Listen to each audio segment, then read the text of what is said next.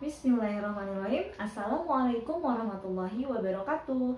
Apa kabar adik-adik semuanya? Alhamdulillah hari ini kita sudah memasuki hari ke-10 dari Ramadan. Artinya kita sudah menjalankan ibadah puasa selama seperti di Ramadan. Masya Allah semoga masih kuat ya berjuang sampai akhir. Hari ini kita akan baca buku yang ke-10 Judulnya Madinah Penuh Berkah Setibanya di Madinah, gaun takbir, tasbih, dan sholawat badar masih bergema. Tala al-badru alaina insaniyatil wada wajib syukru alaina mada'a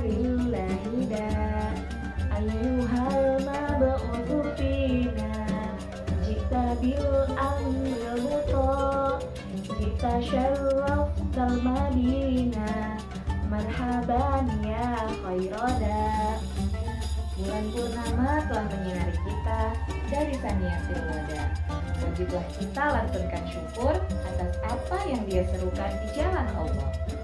Wahai orang yang diutus pada kami Engkau telah membawa perkara yang ditaati. Setelah kau muliakan kota ini Selamat datang ya Rasulullah Sallallahu alaihi Dulu yang ada adalah Yasrib hingga Rasulullah SAW tiba.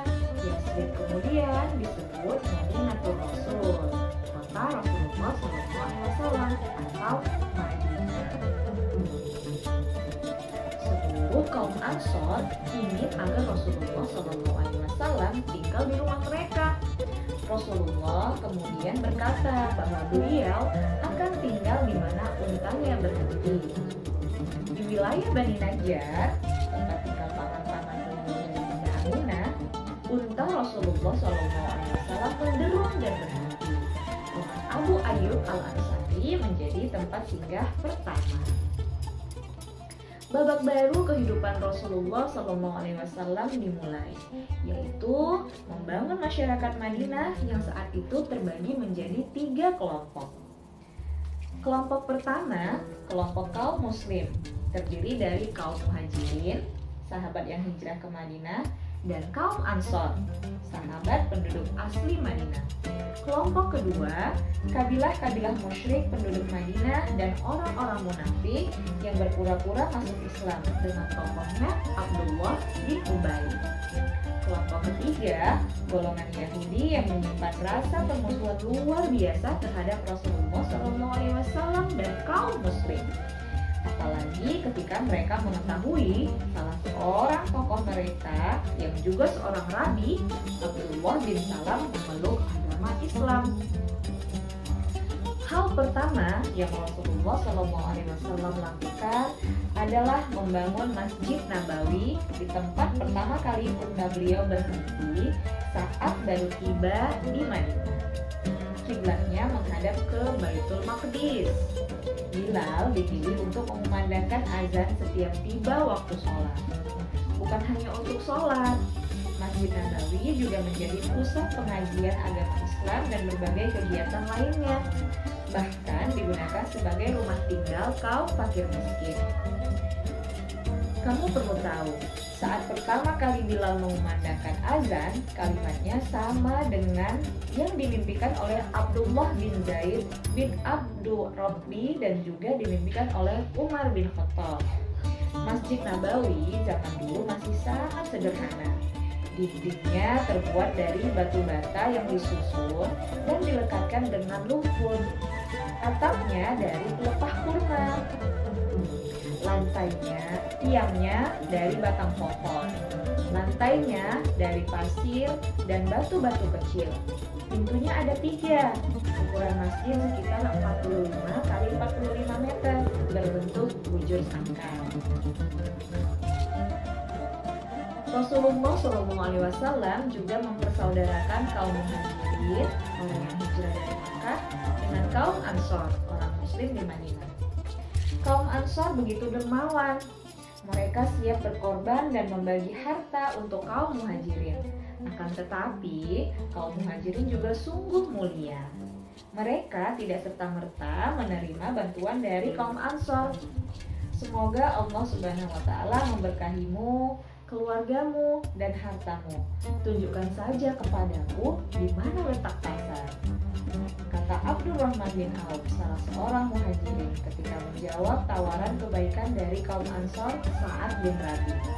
Subhanallah, semua ingin berbagi, semua ingin membahagiakan saudara. Sebagai sebuah negara dengan berbagai golongan, mustahil jika tidak ada aturan yang dimiliki.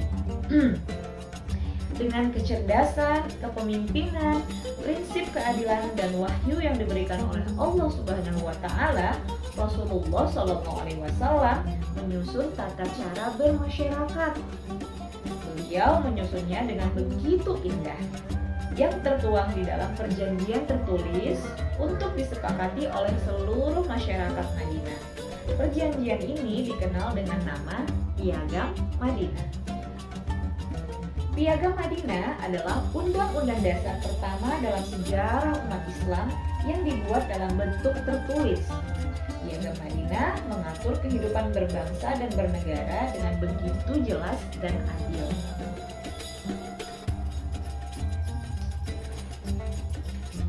Begitulah Rasulullah SAW di mana pun beliau berada, beliau selalu meninggalkan dampak kebaikan yang begitu besar untuk sekitarnya terutama terhadap para sahabatnya.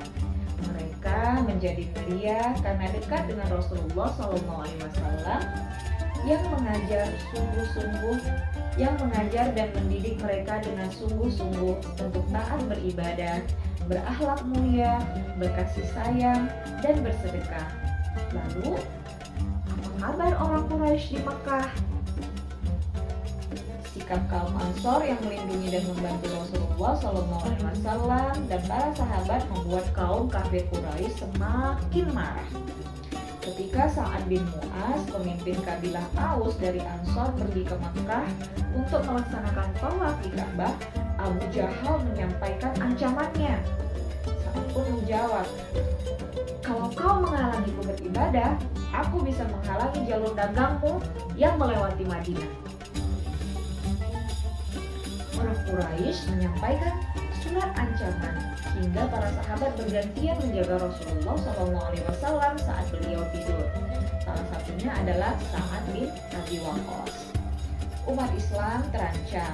Saat itulah Allah Subhanahu wa taala menurunkan izin berperang untuk menyingkirkan kebatilan dan menegakkan kebenaran